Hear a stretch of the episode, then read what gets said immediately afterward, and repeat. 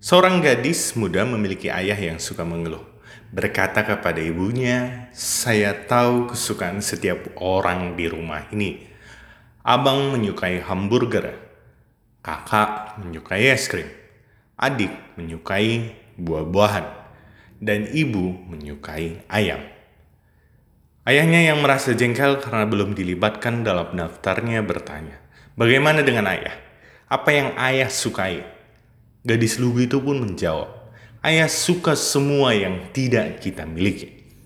Suatu pandangan sederhana dari seorang anak tentang ayahnya. Pandangan yang juga memberikan kesadaran kepada kita. Yakini ketika kita mulai menginginkan sesuatu, maka kita akan cenderung memfokuskan perhatian kita untuk itu. Saat kita tidak mendapatkan yang kita mau, maka biasanya hal itu justru menyeret kita untuk terus memikirkannya dan melupakan semua yang kita miliki. Alhasil kita terjatuh pada sikap ketamakan dan keserakahan. Suatu sikap yang di dalamnya ada peningkatan keinginan dan menurunnya kepuasan. Berbicara mengenai ketamakan, kata tamak seringnya kita identikan dengan uang. Karena uang adalah sarana untuk mencapai apa pun yang kita mau di dunia ini. Hal ini dialami seorang pemuda bernama John Rockefeller Waktu pertama kali ditanya berapa banyak uang yang dia inginkan, dia menjawab satu juta dolar. Setelah memiliki uang sebanyak itu, pertanyaan sama ditanyakan lagi ke John dengan jawaban sama satu juta dolar. Dia pun mendapat uang sebesar itu. Lalu ditanyai pertanyaan sama untuk ketiga kali. John tetap menjawab dengan jawaban sama, satu juta dolar. Apakah saudara bisa melihat terjadinya peningkatan keinginan dan adanya penurunan kepuasan? Mungkin kita belum atau tidak berharap untuk memiliki uang satu juta dolar, tetapi kita bisa menggantinya dengan hal-hal sesederhana ini. Berapa pasang sepatu hitam atau tas sandang yang kita butuhkan? Berapa besar ukuran rumah yang saudara perlukan? Berapa banyak pengakuan dari orang lain karena pelayanan yang saudara kerjakan? Apakah saudara benar-benar membutuhkan semua hal yang saat ini saudara telah beli, atau saudara hanya sedang memuaskan rasa keinginan saudara saja? Cukupkanlah dirimu dengan apa yang ada padamu. Puaslah dengan apa yang kau punyai. Bukan berarti kita dilarang untuk membeli barang-barang baru.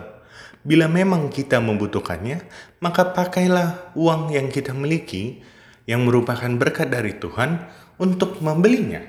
Tidak ada yang salah membeli pakaian baru atau tas sandang baru, selama hal tersebut tidak membuat kita melupakan sesuatu yang benar-benar kita butuhkan. Sebab saat kita fokus pada keinginan, hasrat kita pasti tidak akan pernah sejalan dengan kebutuhan kita sebenarnya. Agar kita tidak terjatuh dalam ketamakan atau kecemasan akan hari esok dan hidup dengan penuh ungkapan syukur, maka ingatlah bahwa Tuhan tidak pernah memiliki niatan untuk meninggalkan dan membiarkan kita dalam kekurangan. Bapa kita baik, yang menyediakan semua kebutuhan kita. Bila kita tetap memegang teguh janjinya, kita tidak perlu khawatir mengenai hidup kita, tentang apa yang kita makan, dan tentang tubuh dan pakaian kita. Jangan mau diseret dengan beragam godaan dunia, tetapi belajarlah untuk terus memperkuat karakter kita di dalam Tuhan, supaya kita bisa mematikan semua keinginan daging yang tidak berasal dari Tuhan. Yakinlah, saat kita ada di dalam Dia, kita tidak akan sama lagi dengan dunia ini. Namun apakah dengan berpikir demikian seorang akan langsung hilang rasa khawatir dan ketakutannya? Ataukah kita diajak untuk menghilangkan rasa khawatir dan ketakutan dalam diri kita? Salah satu dongeng karya Grimm mengisahkan seorang pemuda agak bodoh yang tak tahu artinya gemetar ketakutan. Orang-orang berusaha membuatnya takut dengan menempatkannya di berbagai situasi menyeramkan, tetapi sia-sia saja. Akhirnya pemuda itu dapat merasa gemetar, tetapi bukan karena takut. Ia gemetar ketika seorang menuangkan sumber air dingin lengkap dengan ikan menggelepar-gelepar ke atas tubuhnya sewaktu ia tidur. Saudaraku, bila tidak ada rasa takut dan khawatir dalam diri saudara, sepertinya ada yang tidak beres dalam diri kita. Takut adalah reaksi wajar manusia terhadap segala macam kesulitan atau bahaya dan Allah tidak mengutuknya. Namun Allah juga tidak ingin kita dilumpuhkan ketakutan. Yesus berkali-kali berkata kepada murid-muridnya, "Jangan takut. Itu terdapat dalam Lukas 5 ayat 10, pasal 12 ayat 4, Yohanes 6 ayat 20. Setiap kali mengatakannya, Yesus menggunakan bentuk kata kerja yang mengandung arti keberlanjutan. Dengan kata lain, Yesus berkata kepada mereka, "Jangan terus-menerus merasa takut, bukan jangan takut atau tidak lagi merasakan takut." Jangan sampai kita ditaklukkan oleh ketakutan dan kekhawatiran kita. Kira-kira demikianlah. Kita juga jangan sampai menolak melakukan apa yang dikehendaki Allah hanya karena merasa takut. Allah dapat mengubah rasa takut menjadi kekuatan. Apabila kita mempercayainya dan meletakkan dan menaruh harapan kita kepada Dia. Keberanian bukan tiadanya ketakutan atau kekhawatiran, melainkan penguasaan atas rasa takut. Jadi mari kita lawan ketakutan kita dan hadapilah dengan iman kepada Tuhan. Karena dia telah berfirman, Aku sekali-kali tidak akan membiarkan engkau dan aku sekali-kali tidak akan meninggalkan engkau. Terakhir, pencapaian saudara memang tidak bisa dianggap sebelah mata. Perjuangan yang melelahkan itu terbayar dengan lunas. Dengan situasi yang saudara alami saat ini, saudara boleh bangga. Setelah mendapatkan apa yang saudara telah geluti selama ini, dan dalam pergelutan itu rasa syukur nggak lupa saudara ucapkan.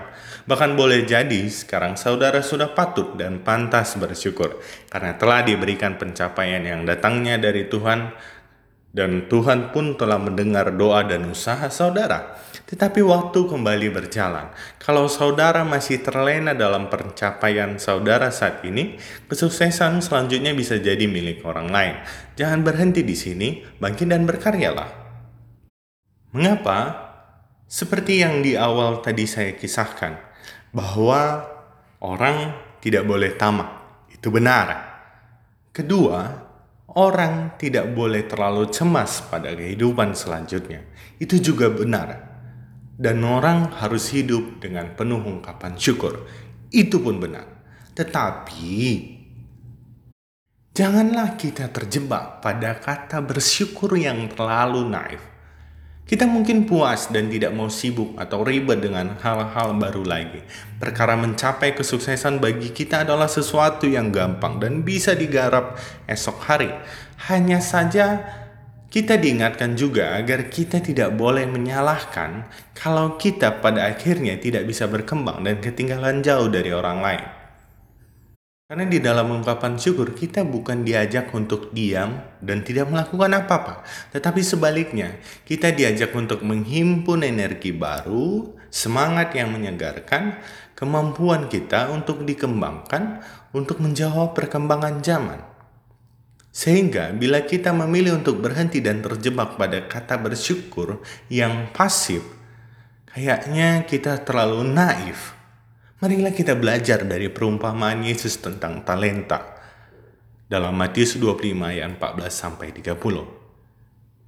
Kita harus sadar bahwa semua akan berjalan dengan begitu cepat dan kita juga harus siap akan semua hal ini. Karena waktu pun akan terus berjalan dan dunia akan terus berkembang. Kepuasan batin memang perlu, itu tidak bisa dibungkiri.